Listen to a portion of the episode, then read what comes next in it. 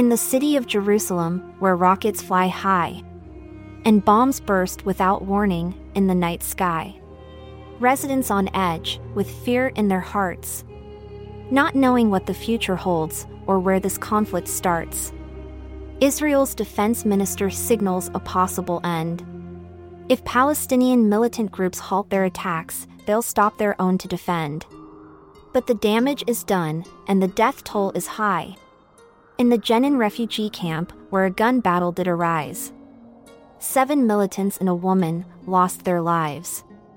In a raid that sparked anger and ignited the strife, clashes erupted in Al Ram town. A young man's funeral with flags and a crowd, chanting for revenge with Fatah and Hamas in tow. Two more Palestinians killed in the day before. It's a delicate balance in this holy land, where history runs deep and tensions are grand. We hope for peace and a helping hand, for both sides to come together and take a stand, for a brighter future where rockets don't fly and bombs don't burst in this city of the sky.